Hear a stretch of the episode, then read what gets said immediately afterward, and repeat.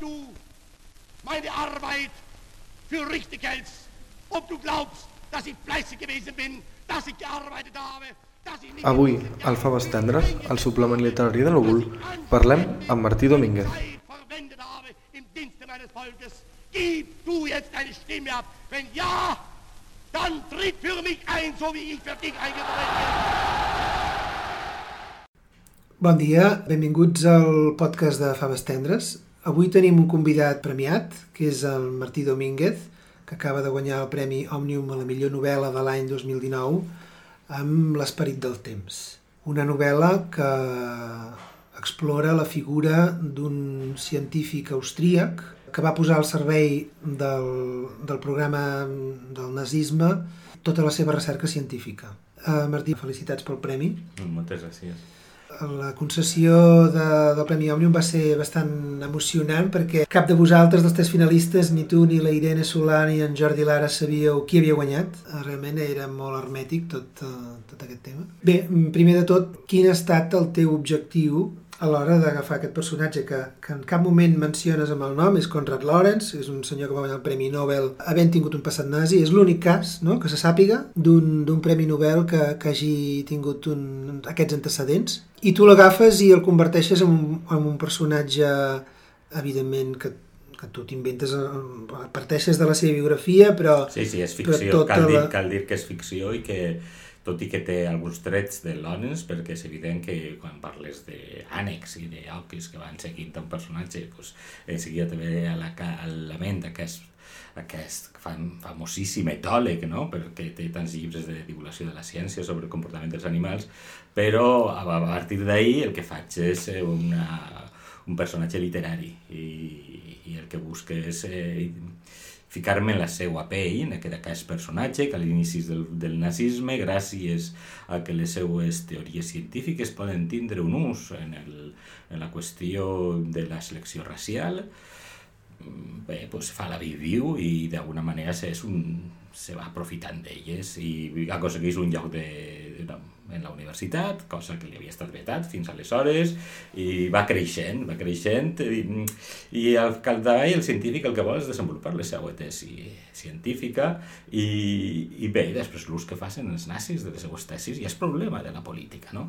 I clar, pues això el condueix a aquesta espiral de que fins a un punt de que al final no té més remei que integrar-se la selecció de nens polonesos i, i fer mm. eh, aquesta, aquesta tria de qui pot ser germanitzable i de qui no, no? Vull dir, és posar en pràctica les seues pròpies idees. Que ell dia, bueno, ja ho faran nosaltres si volen, però jo estic parlant d'ogues i de patos i de, sí, i de, sí. saps? Però no estic parlant de, de persones i entra en aquesta espiral de, del mal i al final, pues, clar, també acaba en el front rus i aleshores veu la violència i la massacre, la sang, no? I aquesta pulsió de la violència i de la guerra és el que el fa reflexionar sobre l'agressivitat, els motius de l'agressió humana. Sí, sí. I sobre I això crear, crear tota la seva obra posterior que rep el Premi Nobel. De fet, eh, la, la teva novel·la comença amb un personatge que ja fa un acte de contrició i tota la novel·la està plantejada com una confessió feta des del remordiment. És Conrad Lorenz o no? És, dir, és un científic que, que ha participat en, en tot el que és l'entramat de, de la maquinària de la, de la neteja racial no? del, del nazisme i, i a mi el que m'ha interessat més de la novel·la és com un personatge que feia això amb convenciment, també mentre ho feia tenia per dintre una veu interior que li deia això, mm, això no em quadra però, però ho faig, no? És a dir, eh, és un personatge ambivalent, en aquest sentit, la gràcia de la novel·la és la complexitat psicològica d'aquest individu que està vivint unes contradiccions molt fortes, però que el, el gregarisme l'acaba xuclant cap al que és el programa del, del nazisme, no?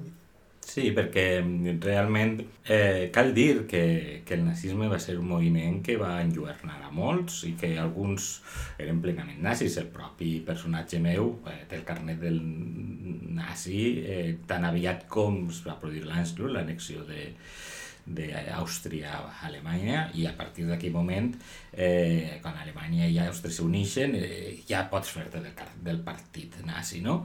I ell va ser dels primers en tindre'l i que va ser un... va poder tindre dels primers gràcies a que tenia un passat nazi, ja era nazi abans la letra però una vegada te poses en això, eh, veu com els seus bons amics, alguns d'ells jueus, pues, acaben eh, fugint, professors res, molt respectats per ell, eh, Prisma, més menys, que, sí, sí. que apareix, no? que, que havia fet una obra benemèrita amb la seva fortuna jueva, però, però que al capdavall una persona intel·lectualment eh, magnífica, doncs clar, tot això el fa dubtar, el fa dubtar de fins a quin punt, eh, i a més ell no era anti, antisemita, no? És una cosa complicada.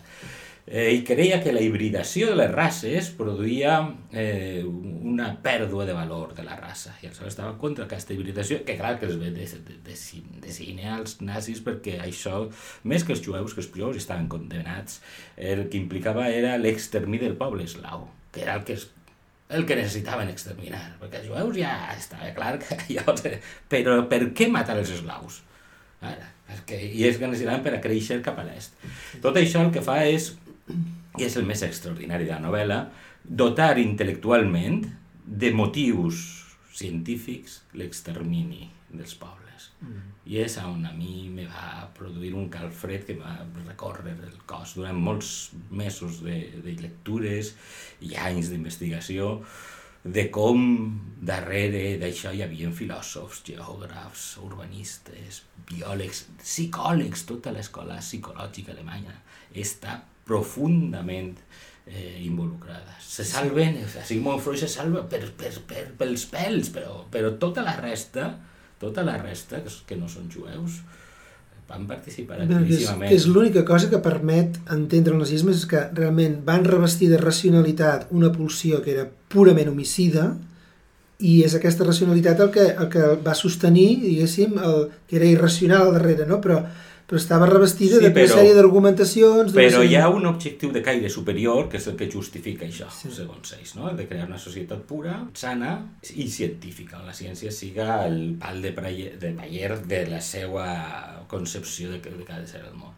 I per això al científic els va agradar tant a l'inici, perquè hi ha molts d'ells, doncs, tots els físics, tots van començar a rebre subvencions i a rebre eh, prebendes. En Àustria, en Àustria el catolicisme era ofegador, això Thomas Bernhard ho diu molt bé sí. en les seues novel·les, no? perquè clar, no és el mateix a Alemanya que a Àustria, però a Àustria el catolicisme no deixaven investigar en qüestions de ciències biològiques i de colp i volta comencen un doi de diners. Tot això, doncs clar, va... Eh, va tenallar moltes voluntats. I va enlluernar, no? I, I quan tu volies ja reaccionar, i quan volies reaccionar ja era massa tard. Què havies de fer? Anar-te'n?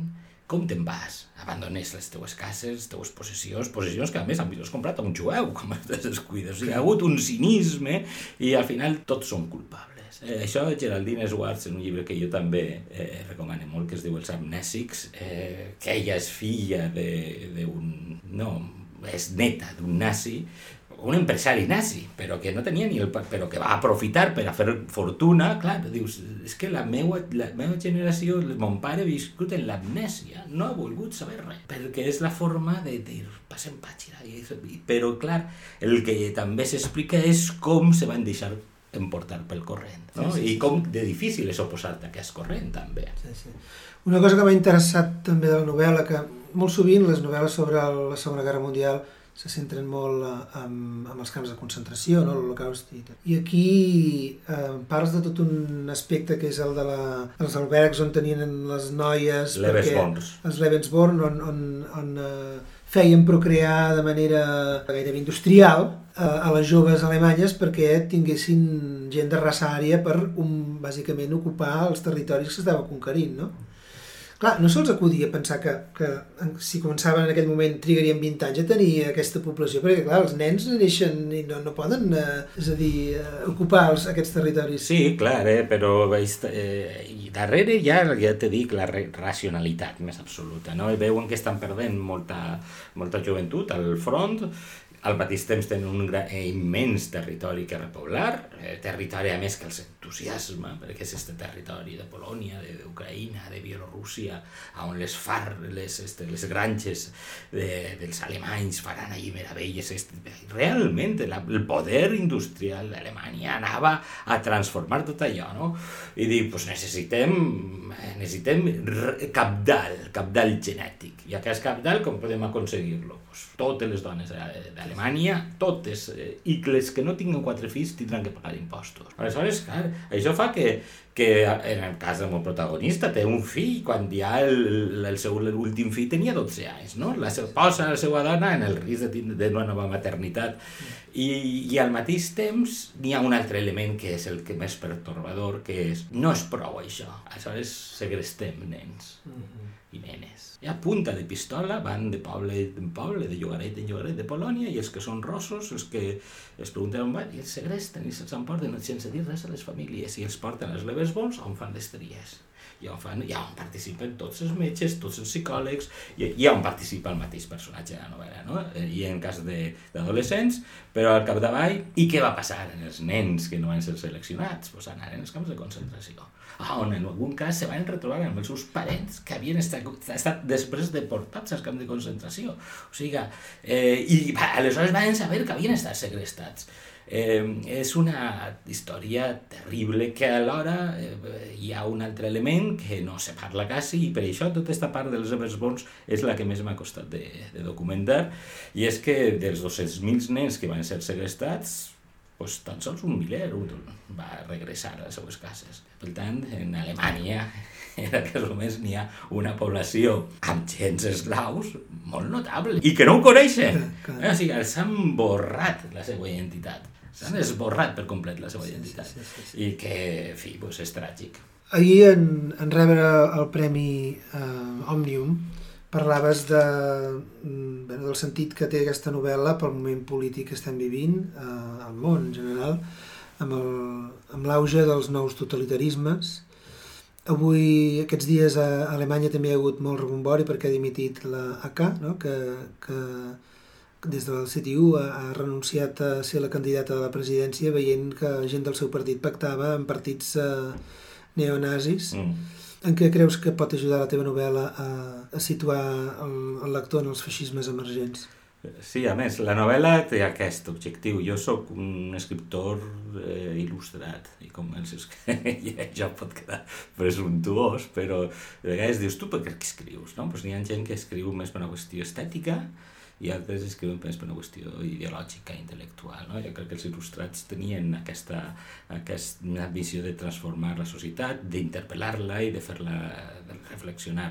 I està escrita des del passat cap al present, no? i sobretot per la qüestió de veure com eh, se blanqueja el nazisme, com se diu nazi a un, s'insulten, diguem aquestes coses, i com a poc a poc, a més, l'ultradreta va, guanyant poder a tot el món. No? I la naturalesa humana tenim un vernís per damunt que ens recobrís la pell, que és la cultura, però al sota hi ha una bèstia de 100.000 anys d'evolució, que té un material genètic que no podem prescindir d'ell i que quan el poses en el brete, no? en el risc de salvar la vida, és molt violent.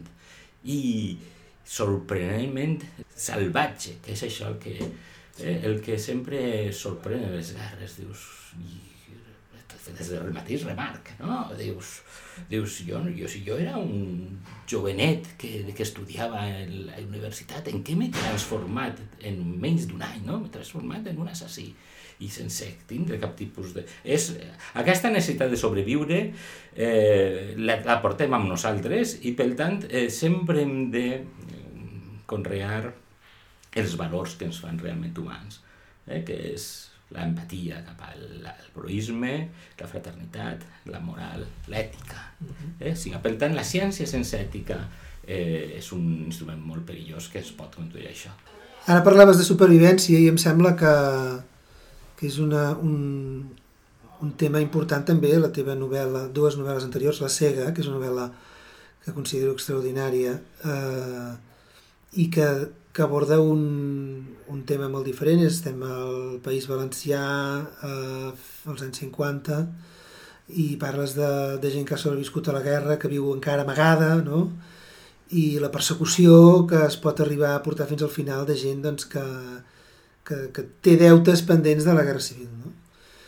També hi ha un punt, aquesta, aquesta relació entre la guerra i, i el remordiment i la venjança, tot aquesta, aquest tema Sí, jo volia, volia explorar en la sega la por, la por i eh, sobretot mm, eh, Eh, la Sega el que parla sobretot és d'uns masovers que es troben al maestrat i com aquests masovers viuen en el seu estat autàrquic, no? viuen d'alguna manera dels seus propis aliments i se troben de cop i volta en la, en la circumstància d'haver de, de, de triar entre denunciar els maquis a la Guàrdia Civil o no denunciar-los per posar-se en perill i això se troben entre l'espàs i la paret, perquè si no denuncien els maquis que han vingut i que s'han portat un corder, o millor dit, les han venut un corder i els han donat uns dinerets que es va molt bé, pues, després te ve la Guàrdia Civil i se t'emporta i te mata, no? I, però si ho denuncies, després ve, venen els maquis i t'apallissen, o sigui que te trobes absolutament enmig de la naturalesa més ferèstica, les muntanyes més trats són insospe insospitablement enormes, les distàncies són molt grans, i això fa que, que hi ha una batalla per, per sobreviure, no? i és això el que s'explica en el... I, clar, els masovers pues, tenien la seva ideologia, la seva manera, però se troben en un foc creuat i, i és una mort des de la, hi ha una impunitat i un, i un silenciament que, que encara s'arrossega. És a dir, això me va costar molt de temps de treball de camp que la gent m'explicara les històries i, i gràcies a que jo tinc aquí un macet jo vaig anar tirant el fil i a poc a poc, eh, perquè ja te consideren veí i saben que és un bon xic, no pensen que ho contaràs. I clar, eh, i, i és cert que bé, en la, en la novel·la eh, eh, he mesclat molt bé les fitxes de domino, eh, per a que ningú puga sí, dir, és sí, doble, sí, sí, no? però sí que és cert que, que és una història de dolor i de silenciament que ha estat molts anys. Eh, I per això pues, volia insistir en, en aquesta novel·la de, de l'esperit del temps en el feixisme, no? també. Dic, anem a seguir explorant aquestes, aquests inputs biològics de la nostra espècie i, i com eh, d'alguna forma de vegades pensem que la maldat s'acaba pagant i és fals Eh? I una de les coses més espectaculars de la novel·la és com tots aquells científics que van participar més o menys activament en l'extermini van regressar a les seues càtedres universitaris i van seguir impartint la seva assignatura sí, sí, sí, sí. i fent manuals. I guanyant diners. I inclús fins a nivells extraordinaris com eh, un catedràtic d'anatomia que es diu Perhoff que va fer l'atlas anatòmic basant-se en executats de la Gestapo i que molts dels rostres són de jueus i de comunistes executats i fins i tot alguns executors les retrasaven perquè els dibuixants no, no, no estaven a punt. I deien, no, no, no, ara no, encara no me l'executes que el vull més fresquet. I, i l'Aldes aquest anatòmic s'ha venut fins fa dos dies. I és, és magnífic cal dir-ho, sí. però els rostres que apareixen són de gent que ha mort la Gestapo Um, una pregunta que era més sociològic. Ahir vas guanyar el Premi Òmnium, avui donen el Premi a Ciutat de Barcelona en Joan Benesiu. El, la novel·la de Manuel Baixau ja estava al número de llibres més venuts la setmana passada. Sou tres autors valencians que esteu conquerint Barcelona, mhm. -huh. o, o sou tres autors del país que, que les editorials d'aquí doncs, valoren com a propis. Eh? Però és un símptoma, no? És a dir, què, què està passant? Bé, jo crec que és la normalitat. Jo sempre he dit que Barcelona és el meu París, eh? vull dir, la meva capitalitat, i això, com, com ja dic una francesat, París és el bressol de la meva cultura, del meu... però alhora pues, la meva capital cultural és Barcelona i també crec que, que hauria estat normal aquest flux cultural eh? entre els països catalans, entre la cultura catalana, d'alguna manera eh, a País Valencià s'està fent moltes coses bones, eh, hi ha nosaltres revistes de pensament que sempre parlem d'això, de l'espill, jo m'assistís com a director de mètode, tantes, tantes revistes interessants, però alhora eh, hi ha una fornada literària de, de molt gran nivell i que costa molt arribar a Barcelona. Moltes gràcies, Martí. Uh, ha estat un plaer parlar amb tu. Molt bé, Bernat. I Tot moltes felicitats per aquest premi i que, que et porti molts nous lectors. Gràcies, que vaig molt bé i molt d'èxit amb el vostre el vostre programa i el vostre, la vostra revista.